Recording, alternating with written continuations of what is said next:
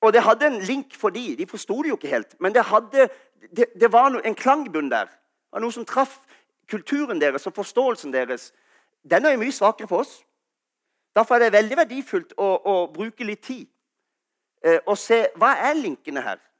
Og Når du bruker tid på det, så blir også de velkjente versene du har lest så mange ganger, de får dybde og innhold og nye åpenbaringer. Vi skjønner jo det at brød det må vi jo alle ha. De fleste av oss spiser jo brød. Det, og vi skjønner at det handler om eh, noe som vi daglig trenger. Så kan du ha en annen dag på det. Og det, det, det opprettholder livet i oss. Ja, det er riktig. Men brød er ikke tilfeldig valgt bare av de årsakene. er Det vel? Det har en referanse til Gammeltestamentet og tempelet og skuebrødene bl.a. Det kommer jeg inn på. Det er litt teologi i begynnelsen, men så blir det enklere og enklere. Og du kan smile mer og mer. Tro ikke jeg er kommet for å oppheve loven eller profeten. Jeg er ikke kommet for å oppheve, men for å oppfylle. Han annullerer aldri Skriften. Av og til kan det virke sånn at han nesten annullerer Skriften. Dere har hørt, men jeg sier dere. Ja, vet dere, Det står der, men det er ikke så nøye. Nå kommer jeg med noe helt nytt. Det skjer aldri. Han annullerer aldri Skriften. Han bygger bare videre. Han bare åpenbarer det som har vært skyggebilder av hva som skal komme, han sjøl, så det kan bli åpenbart. Det er ikke noe nytt. Det er ikke noe som ikke har stått der. Henger du med? Så kan jeg ta bitte om tabernakler. Jeg gjør det av en grunn. Tabernaklet er altså teltet før tempelet kom opp. Utenfor tempelet der var offerplassen. Hvorfor er det utenfor? Jo, for det var kriteriet for, prestene som skulle inn. At de hadde ofra for sine synder. Gjort opp sine synder før de gikk inn i, ypperste presten gikk inn i det aller helligste. Så der var dyreofringsbordene. Det skjedde utenfor tempelet. Er det viktig? Hvor var det Jesus ble korsfesta? Var det i tempelet? Nei, det var utenfor tempelet. Det er et viktig poeng. Og når du kom nærmere inngangen, så sto det noen store kar. Eller et stort kar. Det var et kopperkar. Altså kar lagd av kopper. Du forsto det, Henk Paul? Derfor kopperkar. Kopper, ja. Jeg må tøyse Henk Paul, for han tøyser mye med meg. Men det er bare vennskapelig. Et kar av kopper. Hvorfor det? Der måtte de vaske seg. De måtte rense seg før de kunne gå inn. Og så vet vi hva det står i hebreerne, kanskje. Vi kan tre fram med et renset hjerte om et legeme som er badet i rent vann. Det er mer enn å vaske hendene, det, venner. Det er en full renselse. Det er blitt gjort. Så står det et bord helt foran. Det som skulle være det mest synlige rommet, det var et, jeg tror det var et stort gullbord. Korriger meg hvis jeg tar feil. Eh, og Der lå det tolv brød. Det kalles skuerbrødene. Hvorfor heter det skuebrød? Hva betyr skue? Å se. Å observere. Det var altså brød. Tolv stykk fra de tolv stammer. Det betydde det gjaldt alle Israels stammer. Alt Guds folk. Og det gjaldt også alle mennesker i hele verden i forlengelsen av det. Han som vil at alle mennesker skal bli frelst. De skulle være synlig sentralt plassert som det mest sentrale i rommet. De hadde så sto det en lysestake der. Den ligner på den. Syv armer. Men det var ikke stearinlys, det var eh, oljelamper. De var konstruert på en helt spesiell måte. De var konstruert sånn at de kasta lys mot skuerbrødene. Det var veldig viktig. Der skulle det være lys 24 timer i døgnet. Det skulle aldri opphøre. Det var en veldig viktig oppgave. At de alltid var belyst. Hvorfor det? Det kommer jo. 'Jeg er verdens lys'. Når Jesus sier 'jeg er verdens lys', så har det referansepunkter helt tilbake til når de vandra rundt i ørkenen der og, og satte opp tabernaklet. Verdens brød, livets vann. Alt dette henger sammen med renselsen, med hans lys. Og likt som om lysene skulle kaste lys på skuebrødene, så sier Jesus egentlig det samme, bare i en ny setning. Han sier at han ber om at det lys som han er blitt i vårt liv, det skal alltid få lyse. Så tenkte jeg litt, måtte spørre Gud litt. Det ble jo litt rart. For her måtte jo prestene de måtte holde liv i disse lysene. De måtte aldri slukke. Det var jo en viktig oppgave. Det var deres innsats og deres jobb. Brødene de skulle bakes hver uke. Fint mel, flotte brød. De skulle stå til pynt, nærmest. De skulle peke fram mot noe. De skulle være synlige. Eh, og hver sabbat så måtte de bakes på nytt. Det visste du ikke. Så det var en sånn prosess som bare gikk og gikk og gikk og gikk. Og Derfor får du mye større forståelse av hebreerbrevet når du kjenner til de tingene der. Eh, vi har fått lyset ufortjent av vår nåde. Ikke om du føler du har fått det fortjent. kan vi ta en prat seinere. Men det hadde du altså ikke. Fått ufortjent av bare nåde. Du kan ha vært så snill så snill hele livet. Det er likevel like ufortjent, faktisk.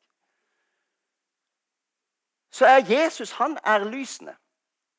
Jeg kan jo ikke produsere noe som helst som kaster lys på Jesus. Kan du? Overhodet ikke. For i meg sjøl, sånn som jeg er, så er det bare mørke. Så det lyset jeg har i meg, det har jeg jo fått ifra han. Så han har tent de lysene. Den oljelampa er det han som har tent.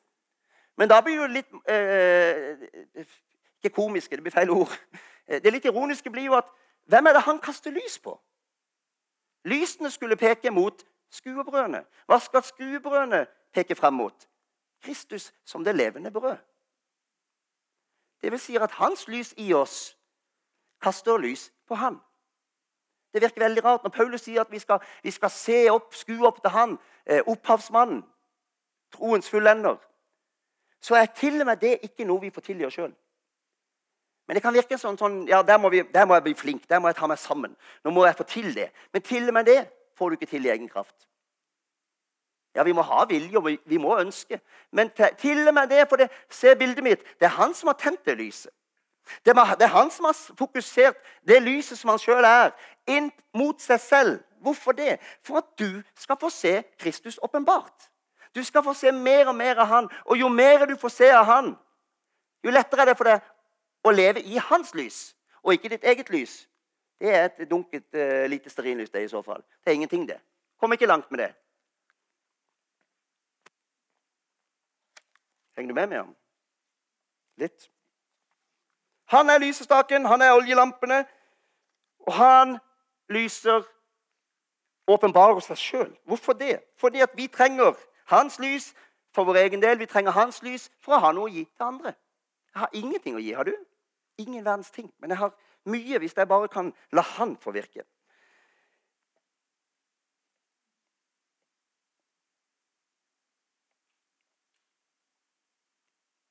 Men til kvinnen Merk deg nå. For dette slo meg. Jeg har aldri tenkt på det før. Det kom faktisk til meg midt under en preken. Det er litt skummelt, kjære venner. For da har du ikke tid til å drive eh, store bibelstudier. Da må du eh, kjenne godt etter er det fra deg, Gud. Og så må du gå på det. Eh, men til kvinnen så sier han jo f.eks. ikke at han er den levende brønn. Har du tenkt på det? For ellers så tar han nesten alle tingene. Han erstatter nesten alt som er i det tabernaklet alle tingene, alle objektene, alle rollene der, alle oppgavene. Alt erstatter han alene i seg sjøl. Det står ikke mye igjen til oss, venner. Det står ingenting igjen til oss. Så det, det, å, det, å, slå seg på brystet eller det å tro at man skal gjøre seg fortjent, det blekner i det lyset der. Når du ser at han har jo tatt alle oppgavene. Han er vaskefatet, han er offerlammet, han er øh, oljelampene, han er skuebrødene.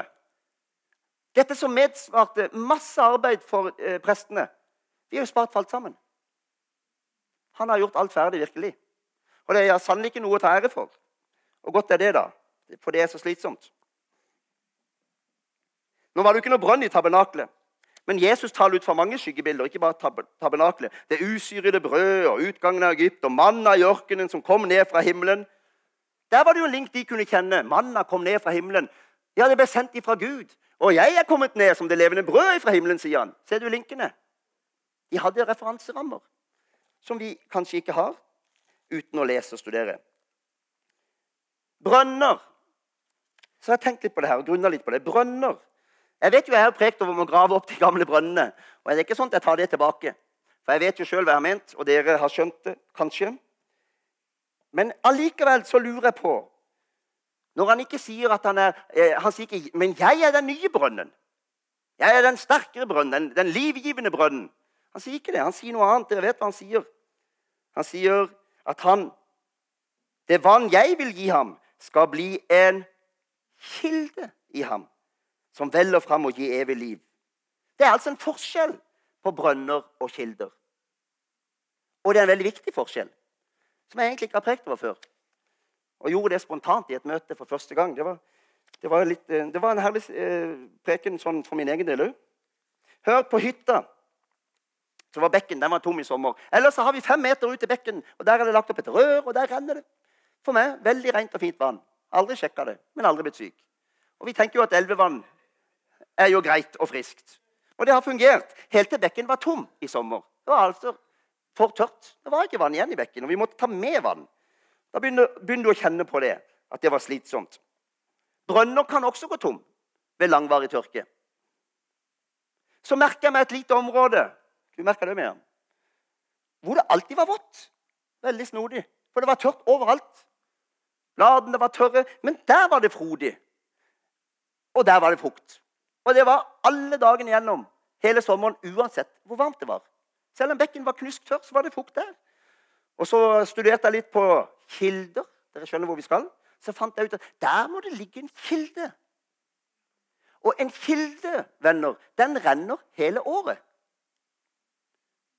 Den går ikke tom. Uavhengig av eh, eh, vær og vind, sommer eller vinter, så renner en kilde. Den holder til og med jevn og fast temperatur hele året igjennom. Den fryser ikke engang. Så tenker jeg, ja, Det er jo sterkt at han kalles en kilde. Han, han kan sannelig men ha hatt biologi òg, er det det heter? Eller natur. Hjelp meg. Naturfag. Ja, Det var det vi kalte det på skolen i min tid. Naturfag. Nå heter det sikkert noe mer fancy. Han kan til og med det, Jesus. Han vet hvordan en kilde fungerer. Og han bruker det ordet med en hensikt, og det er veldig sterkt. Det vil jeg si noe om i dag. En kilde presses opp ifra grunnen gjennom fjellsprekker. En kilde har aldri vært disponert for åpen friluft. Mens min bekk rett over hagen, som jeg tenkte den er mer enn god nok Der kan det ligge døde mus og dyrekadavre. Der lander det fugleskitt. Eh, der kan det være hva som helst. Det ser rent ut, men det trenger ikke være rent. For det har blitt påvirka av omstendighetene. Mens en kilde kommer dypt ifra grunnen, presses opp, har aldri vært ute i friluft. Kommer opp der hvor den treffer minst motstand, som som regel er i overgang mellom sand og jord. Og der kommer den ut, gjerne som en bekk. Og det vannet er, er som regel det kan være visse ting i vår ti, moderne tid av forurensning. Men normalt sett så kan du være trygg på at det vannet er rent. Det har ikke vært utsatt for ytre påvirkning og forurensning. Det kommer nedenifra. Og her, det, det, det, Jeg håper det renner inn litt bilder og sier ja, men det er jo sånn det er. Det er jo sånn det er med Kristus. Han kom, holdt jeg på å si. Det, I gamle dager kalte du det oppkomme. Mange har hørt om det? Oppkomme er kanskje et mer vanlig ord. Og Jeg leste på nettet at de som var så heldige å ha et oppkomme på sin eh, tomt, de hadde en lett og frisk, evigvarende tilgang til rent vann. Nesten uten vedlikehold. Uten noe som helst strev. For der hvor andre må grave brønner og bruke masse krefter Det er tungt å grave brønner. Det er et slit å grave brønner, for du skal dypt ned. Så kan disse som har et oppkomme, det kan, være så dypt. Og det ligger helt oppe i lufta. holdt jeg på å si. Det, flyter, det flyr ikke, altså. Men det ligger helt oppe på bakkenivå. Og du kan tenke, Kan det være rent? For en brønn må jo være minst åtte meter dyp. har jeg lest, for at det skal være rent. Ja, det er rent. Det er rent det noe annet vann. Hvorfor det? For det er ikke regnvann som har blitt skylt ned og kanskje kan være forurensa. Det kommer underfra, venner. Da må du ha kunnskap om sånt. Og de gamle dager som hadde kunnskap om sånn, kunnskap som begynner å gli ut, de visste det at om det er aldri så grunt, så er opphavet skinnende rent og friskt. Og det flyter hele tida, skjønner du. Det står ikke stille et sekund, for det kommer nytt vann hele tida. Og så renner det over, og så kommer det nytt vann, og så renner det over. Det er ikke stillestående vann. Jesus er vår kilde. Det syns jeg faktisk er utrolig bra. Han er ikke bare vår brønn, holdt jeg på å si. Jeg tror det er en grunn for at han bruker ordet kilde. En brønn er mye mer stillestående. En brønn kan gå tom. En brønn, iallfall her i kveld, kan representere mye mer enn den gamle pakt. Gjerningenes vei. Eh, viljen og slite, liksom. Ta seg sammen, få det til. Mens en kilde kan du gå bort til. Den er, den er ferdig der og da. Du kan gå bort og sette koppen under. Og hvis du ikke rører den kilden, faktisk, lar han få være som han er, så har du tilgang til friskt vann resten av ditt liv. Uten noe egeninnsats. Er det ikke sånn det er med evangeliet? Vi vil så gjerne legge til og, og, og grave egne brønner og eh, bidra med litt. Men det er ikke det han ber oss om. Han har gjort alt klart. Kilden bare ligger der. Og alt du trenger å gjøre, er å stille deg under den dusjen der. Og si 'takk, jeg tar imot'. Har ikke gjort meg fortjent. Og selvfølgelig har jo jeg gjort altfor mye med min kilde. Jeg burde gjort mye mindre. ikke sant, med ham? Fordi jeg har jo gravd meg nesten i hjel. For først skulle jeg finne den, for den var under bakken. faktisk. Og jeg gravde meg en svær hule. Altfor stor, har jeg skjønt. Men det er jo typisk meg. da. For Jeg ville legge til litt. Jeg ville forsikre meg at dette ble bra nok. Ut ifra hvordan jeg har lest på nett. Dette gjør de i Amerika. skjønner du. Det er vanlig i Amerika, men ikke i Norge. Så jeg har jo jobba meg nesten i hjel. Jeg, skjønt, jeg skjønte jo veldig tidlig med at eh, jeg, nå, nå, jobber, nå, overdriver du. Og Det rare er jo at eh, antagelig hadde det ikke blitt bedre enn om jeg hadde bare tatt den kilden og nesten plugga i et rør der og da, uten å røre den for mye. Det hadde blitt det beste. Men det blir bra nok, det her òg, altså. Det er skinnende rent. ikke sant? Til og med Miriam har begynt å drikke det. Smaker ingen verdens ting. Det betyr at det er rent. Og du ser ingen. Det er helt skinnende rent. Og inni den hula der så kommer det ut vann. Og, og tro meg nå, Det er ikke mer, det hullet er ikke, er ikke større enn på størrelse med den fingeren. Du kunne putte fingeren inn der. Det var alt. Er det din vannforsyning til hytta? Ja, det er min vannforsyning til hytta. Ja, det, så, det hørtes ikke mye ut, gitt. En sånn liten dråpe som, en sånn liten strøm som renner hele tida. Vet du hvor mye det blir? Jeg har kjøpt en bøtte på 310 liter. Var den full når du dro? Vet du hva? Den fylles opp som bare det. Hvorfor det? For det renner hele tida. Det kan se så lite ut, men det er friskt, det er levende, og det renner hele tida. Og det bygger seg opp, og det tar aldri slutt.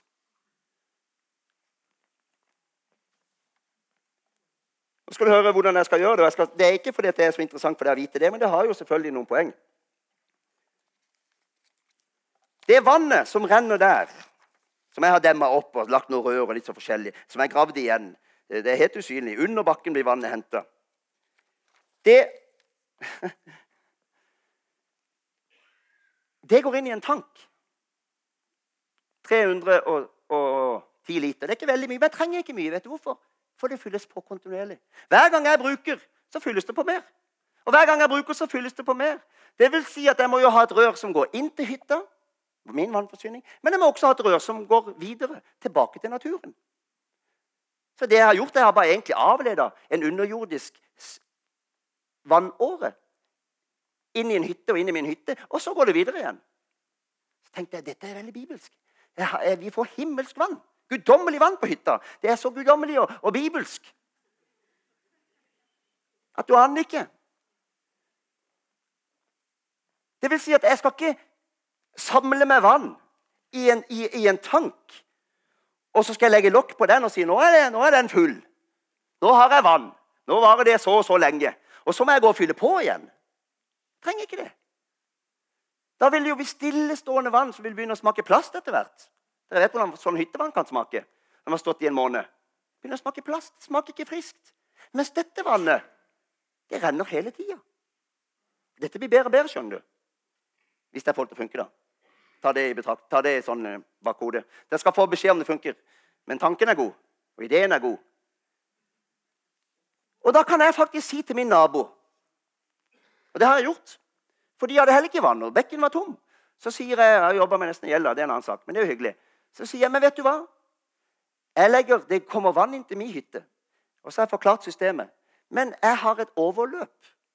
Og jeg kan legge det sånn, sier jeg til min nabo, at der, den kan du finne.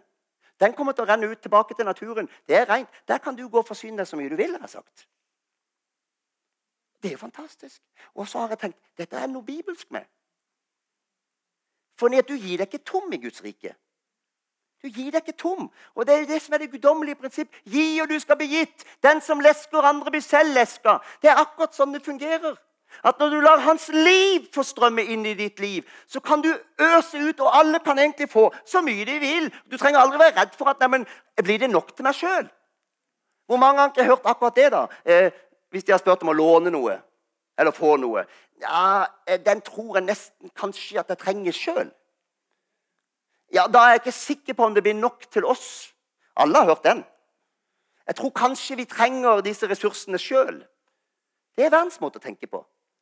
Men det er helt motsatt i Guds rike. Fordi kilden og kildets prinsipper er lagt ned i oss. Det strømmer gjennom, venner. Og vet du hva? Min tank når jeg ikke er der, den står alltid full. Men det er ikke, det er ikke med lokk på og satt der som en forsikring for meg, sånn at jeg vet at det er vann. Nei, det er alltid fullt. For uttaket er jo selvfølgelig helt på toppen. Jeg er jo ikke helt dum. Jeg har ikke lagt uttaket tilbake til naturen i bunnen. Det, vil, det skjønner jeg jo. Det har jeg lagt i toppen. Det vil si at bøtta står alltid full. den. Selv når jeg ikke er der, så er bøtta full til naboene mine rundt til å forsyne seg.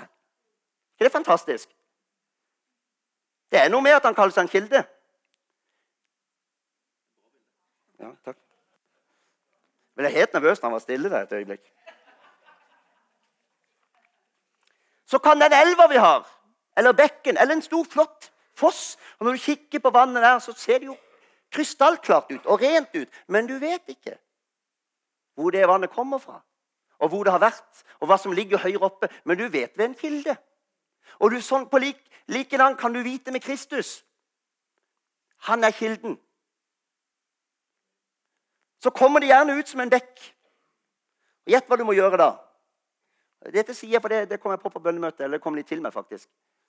Jeg tror ofte at vi, vi drikker av vann for langt nede i, i, i, i, bekken, selv om det kommer fra kilden.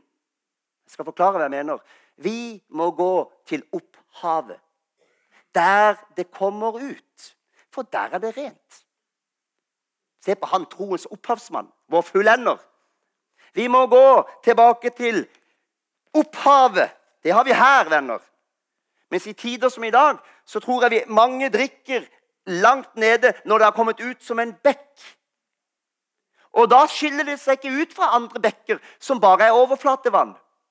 Du kan ikke vite om det er rent vann eller om det er bare vanlig bekk. Så du må følge den bekken tilbake til du plutselig ser at den bekken der forsvinner av seg sjøl i naturen. Den svinger plutselig ned. Det var ikke noe vann den gikk til. Den kom fra grunnen. Fra en mye dypere kilde. Let, og du skal finne. Og det er noe der for vår tid. Det har prekt mye. Vi må tilbake til kilden. Og det sies mye, og det gjøres mye, og det menes mye. Og jeg mener mye, og jeg mener ikke at jeg alltid har rett. Du må sjøl bruke Guds ord. Når du hører tale på nett, når du leser mye, når du ser hva som beveger seg, masse meninger, masse holdninger Det er et virvar. Og folk drikker av bekken altfor langt nede. Det kom opprinnelig fra dette. Men så kommer forurensningen på. Så kommer forurensningen på, så begynner folk å drikke av all verdens kilder. Uten å vite det sjøl. De tror de drikker av den levende kilden. For det er jo den og den som har sagt det. Nei, det er et ansvar for hver enkelt av oss, hver enkelt av dere. Om du har tillit til meg eller ikke tillit til meg. Jeg skal, kan ikke stå alene ansvarlig, men vi må gjøre dette sammen. Du må gå hjem og grunne på ordet og stemmer dette, er det sånn? Det er ditt ansvar. Jeg ønsker ikke engang at det skal bli sånn at det, eh, Jo, Geir sa det sånn, så da er det sånn. Fy for et ansvar. Det vil jeg ikke ha, venner. Et menneske. Jeg kan også ta feil. Jeg kan også feilvurdere. Men du har et ansvar. Sånn som vi har med profetier. Da må du gå tilbake til opphavet. Skal vi gjøre det? Ja, jeg føler at vi gjør det, og vi er innstilt på å gjøre det. Vi har en ren, uforurensa kilde. Han heter Jesus Kristus. Han kom inn i vår verden som var forurensa, men han ble aldri forurensa sjøl. Han var ren hele veien til korset. Og Det er den eneste grunnen til at noen av oss kan bli frelst. At han var ren hele veien. Og På mange måter så var Jesus et oppkomme. Når jeg leste ordet 'oppkomme', så slo det meg Det er jo et ord i Bibelen om oppkomme. Eller nesten, da. Nesten. Det som ikke oppkom i noe menneskes tanke, det gjorde Gud. Jeg tenkte det er ganske likt. Et oppkomme av et kildevel som veller fram. Og Alt det her kan du finne bilder på i Skriften. Når Moses slår på klippen Kan du se det for deg? Det var litt stor fallhøyde der. Jeg tenker, ledd av det da. Han må ha gått noen runder med seg sjøl og tenkte oi, oi, her, Israels folk er bak meg. Eh, og jeg skal gjøre noe så absurd. De, de var sure og surmulte, for det var ikke rent vann. Og så sier Gud, slå på klippen. En stein, liksom. En død stein. Et tegn til liv. Det var jo tørt overalt. Det, det, vært, det var litt fallhøyde, men han var lydig. Og så slo han på den klippen. Og jeg tenker, vet du hva jeg tror gjerne? Det var en kilde under der. Det visste Gud. Det var en naturlig kilde. Det ligger ofte i fjell. Av og til kan du løsne en stein, faktisk. Og så kommer kilden løs. Skal ikke mer til. Det visste Gud, så han slo der. Og jeg tror det var sånn. Og så lå det en kilde der. For det, det, det har blitt kalt ja, Nå må jeg finne det. da. Det har et navn. Kan du huske det, Vidar? Slipper jeg blad. Legger lista høyt for deg. For du er bibelskolelærer. Ja, jeg er jo det av og til, ja. Men ikke så mye. Kan dere huske hva, den, hva de kalte den kilden? Og det er ingen som husker det, vet du. Samme det. Det ble ikke kalt Hæ? Ja, men det, ikke, det, var et navn på stedet. Det ble ikke kalt det navnet og så brønnen. Det ble kalt navnet på det stedet og så kilde. Det var en kilde, det var ikke en brønn. De trengte jo ikke å grave noen brønn der. Men tenk så ufortjent. Først så klager de, og så surmuler de. Så ufortjent. Og så ordner Gud det for det. Hvordan da? Ved at han, Moses slår på fjellet med staven sin. Og så står det at det fosser fram vann fra en kilde som aldri tar slutt. Det renner sikkert en dag i dag, skal du, si, eh, skal du se. De måtte jo ikke gjøre noen verdens ting, disse surmulerne. Jeg tenker, Hadde jeg vært Gud, så kunne jeg lett ha tenkt eh, Og du, kanskje men ikke du og du. Eh, kunne kanskje tenkt ja, ja, de skal i få jobbe litt for det. I hvert fall. De skal nå få vann. For Jeg har lovt de å overleve, men de skal sannelig få grave. nå skal de få grave i, i ørken og, og steikende sol. Det fortjener de. Litt arbeid burde de ofre for det her, så ikke de blir helt utakknemlige. Det er ikke sånn vi lett tenker, vi mennesker. De fortjente ikke noe vann. Og så får de vannet helt ufortjent uten å løfte en finger. Eneste som løfta en finger, det var i Moses da, med staven. For det staven var jo i hånda, der er det fingre. Ja, du skjønner.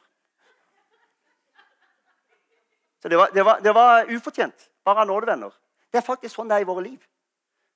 Og det må vi tenke over. altså. Paulus sier et annet sted eh, eh, Hva har du som du ikke har fått? sier han. For de skrøt så veldig. De var så fornøyd med de åndelige gavene i menigheten i Korint. De syntes det var noe voldsomme greier de var en del av. og nå, De hadde så sterke nådegaver. De hevde seg over de andre. Sier Paulus, hva har du som du ikke har fått? Vi har jo ingenting å skryte av. For alt Gud Alt, si, alt, alt vi har, bygg, oss, musikk, krefter, ungdomsarbeid, barnearbeid Alt er fra Gud, venner. Det er vår fortjeneste. Sånn er det med frelsen. Og vi må minne oss på det. Vet du, Det gjør oss takknemlige. Da slår vi oss ikke på brystet, men da takker vi Han og priser Han. Og så er det forbilder her. For hvem andre var det som ble hva skal jeg si, billedlig talt slått Klippen som, Hvilken annen klippe ble slått mot treet, eller trekorset? Det var Jesus Kristus. Egentlig det samme, det var et bilde på noe som skulle komme. Kilden som skulle komme, ufortjent av bare nåde. Hvor vi ikke lenger skulle grave brønner. Men brønnen, bokstavelig talt, av Gud løftes opp til bakkenivå. Legges klar. Vær så god, bare drikk. Sett koppen din under. Sånn var det. Han ble klippen, vår klippe, som vi kan bygge eh, hus på. Klippefast fjell. Jesus Kristus. Han ble slått på, på treet, på korset. Likedan som Moses slo med sin trestav på klippen og var strømt ut levende vann. Og var strømt ut av Kristus livets vann. Ser dere bildene? Det er helt utrolig og det er imponerende hvilken kontroll Gud har hatt over den boka. Om du syns han er vanskelig kompleks, så er det bare fordi han er så mye smartere enn det. Men når du begynner å studere litt, så tenker du går det an? Hvordan har disse menneskene klart å holde alle disse tankene samla? De har ikke klart det.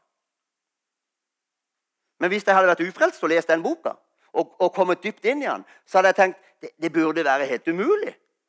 At en gruppe med mennesker i forskjellige tidsperioder, i litt forskjellige kulturer, har klart å lage en bok som har en så rød tråd, hvor alt henger sammen med alt. Det skulle ikke være mulig, venner. Og det er heller ikke mulig i det menneskelige. Men det er Guds bok. Og det er Guds plan. Og det er Guds profetier. Det er jo bare trosstyrkene, bare det.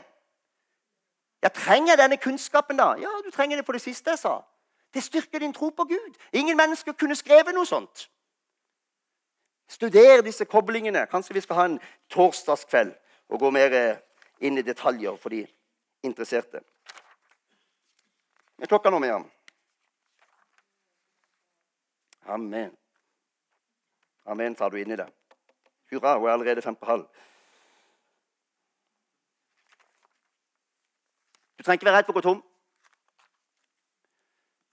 Ja, men jeg føler liksom at det, Og det føler vi alle. Jeg føler at jeg liksom eh, hva skal jeg si, At jeg går tom. At jeg, liksom, skal, vi skal yte så mye, og det er så mange som vil ha noe av oss og forvente noe av oss.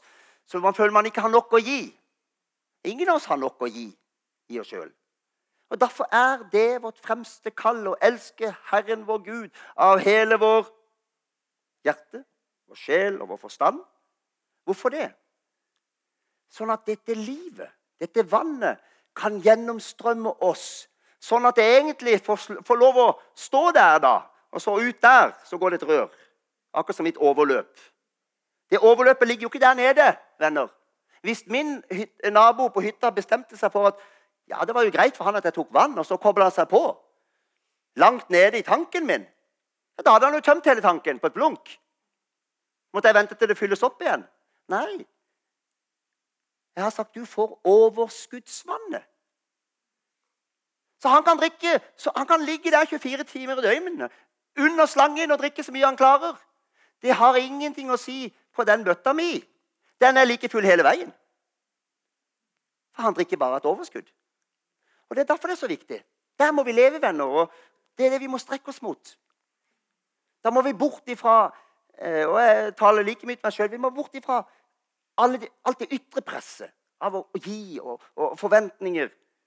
Ja da, det ligger ansvar på oss alle. Og desto større grunn for å søke inn til Gud, drikke Hans kilde, som Han har gjort så enkelt, løfta opp til oss, så ikke vi måtte grave oss ned for å finne det. Let, og du skal finne. Hvordan finner du en kilde? da, noen som vet det? Ja, Jeg så jo at det var vått, men hvis, hvis det ikke er så synlig Interessant det òg, skjønner du. Jeg har lest og studert det her ganske mye i det siste. Hæ? Ja, ja, du kan si Den hellige ånd, men det, men det fins noen ytre synlige tegn òg. Skal du finne en kilde, du, går du litt opp på en høyde, og så står du og kikker ned i terrenget. Det er veldig bibelsk å komme seg litt opp. Jeg tror Inge har talt mye om det. Komme seg litt opp på høyden av og til og få litt overblikk. Og Så kikker du ned, og så observerer du, og så ser du at På en tørr sommer, selvfølgelig. Her var det tørt, gitt. Bare tørre blader. Og Så ser du plutselig Men der ser ingen vann. Men der, der er bladene grønne. Og der gror det noe voldsomt med busker og, og, og, ugress og alt mulig. Merkelig at det skulle være så veldig grønt i en stripe der. Det ser du. Hvorfor det? For det renner en kilde like under. Og sånn er det. Let du skal finne. Han er vår friskhet, er han ikke det? Han er livet med alt vi trenger til. Og det spirer og, og gror rundt Jesus Kristus. Rotkvisten kalles han, som, som spirer frem. Det spirer rundt den. Let etter der det gror, hvis det er tørt i ditt liv. Må vi helst ha det litt levende i menighetene våre. Hvis det er tørt her, da, så er det dumt. Hvis folk kommer hit og leter, og så er det tørt overalt. Nei, de må få komme her, de må få komme og møte meg og møte deg. Og oppleve at bare i møte med oss så fins det ikke perfekte mennesker. Nei, langt derifra. Ikke folk som slår seg på brystet og skal demonstrere hva de har fått til. Men, men på et eller annet merkelig vis så skjønner de at der fins det en eller annen kilde som er annerledes enn den kilden jeg drikker av i livet. For den gjør meg bare tørst igjen. Og den gjør meg like frustrert. Og det kurset jeg gikk på for en uke siden om å tenke positivt Jeg hadde klart det i fem dager. Så gikk det over. Det må være noe annet der. For det spirer og gror, og det ser annerledes ut. Det trenger ikke du å demonstrere kunstig. Du trenger ikke på en måte å, å, å, å synliggjøre det på en måte bevisst engang. Alt du trenger å gjøre, det er bare å la Han få fylle. Så står det at vi blir en velduft. Kom, lovsangeren. Jeg har eh, ikke Jeg har ingen uh, retningssans. Ifølge meg har jeg heller ikke tidssans, så jeg vet ikke hvor lenge jeg holder på, men det føltes greit.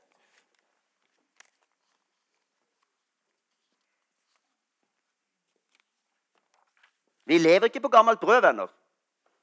Det brødet må ikke skiftes ut hver uke. Det var jo veldig friskt i begynnelsen, men etter en uke så, så måtte det skiftes. Men det, det, er nytt og levende og friskt hele tida. Vannet oppbevares ikke i en tank for at du skal kunne si ja, nå har jeg fylt opp den, nå har jeg til dårlige tider. Nå har jeg nok til meg sjøl. Og så gnuger vi på det, redd for å gi det fra oss. Nei, det funker ikke, venner. Det er vannet. Det blir stillestående. Det blir som døde, havet. Det blir bare surt og, og salt eh, og ikke drikkende. Gøy å bade i. Det er alt. Ikke brukende. Nei, gjennomstrømning er et gjennomgående bibelsk tema. Kildevel, det veller fram, det. Det er ikke noe som skal ligge stille verken i en brønn eller i en tank. Det er noe som skal være konstant bevegelse, konstant fornyelse. Og det skal renne seg selv. Det er jo ikke rart Jesus sier om bonden som sår. Og så vokser det helt av seg selv, står det. Det er de guddommelige prinsippene av de som bare lar seg enkelt fylle, uten kanskje å forstå alt, uten å vite hvordan alt skal gå til, men en barnlig tillit til Han. At jeg drikker av Hans kilde, og Han er mitt liv og som slutter å streve og, og skal få det til sjøl. Mens jeg holdt på med den demningen der Står dere godt? Ja, det er herlig. Så drev jeg og rota litt rundt der, for jeg måtte demme opp vann og lage noe rør. og sånn. Da ble jo vannet grumsete. Og så ble jeg litt sånn stressa og tenkte nå ødelegger jeg jo hele dammen her. Det var jo så fint. så jeg fant en kopp da, så begynte jeg å øse ut av denne her. Jeg må få vekk det skitne vannet. Full fart, liksom. Og det, det ble jo bare ikke bedre. For det er klart, Jo mer jeg var nedi og rota der, jo mer virvla det opp. Shit.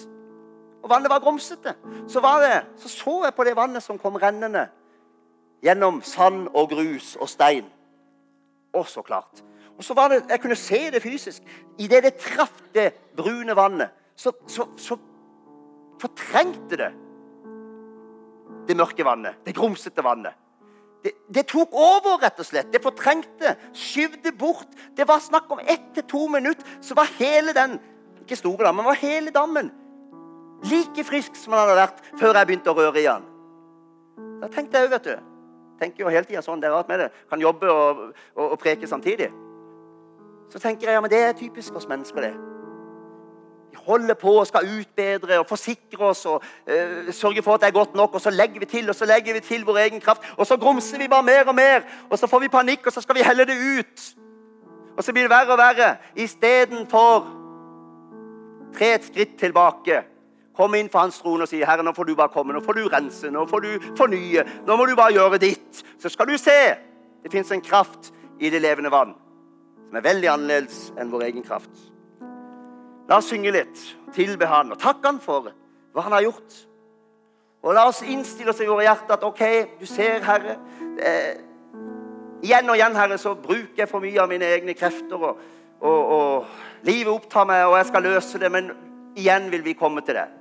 Igjen vil vi liksom kaste oss på det og si det er du som er redningen, det er du som er løsningen. Du er det levende vann. Mitt eget vann, det blir bare surt. Det kalles fornyelse. Det kalles innvielse. Og det er noe menigheten skal leve i fra søndag til søndag, fra dag til dag. Sant, Remi? Jesus, takk, Jeg har lyst til å kalle dere som kvinnen sa Men du har ikke noe å dra opp vannet med, og brønnen er dyp. Mange kjenner det sånn.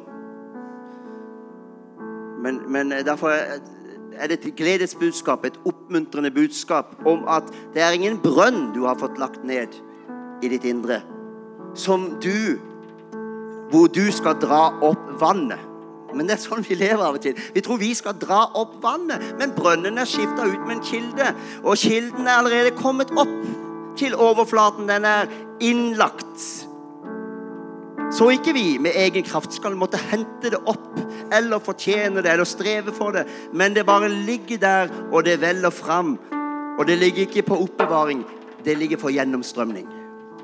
Og jeg tror, og er helt overbevist, om at eh, noen trenger og, og, en stund med Herren og bare få grunne på det og søke forbønn og si 'Herre, nå, nå vil jeg at denne kilden, denne gjennomstrømninga, skal prege mitt liv'.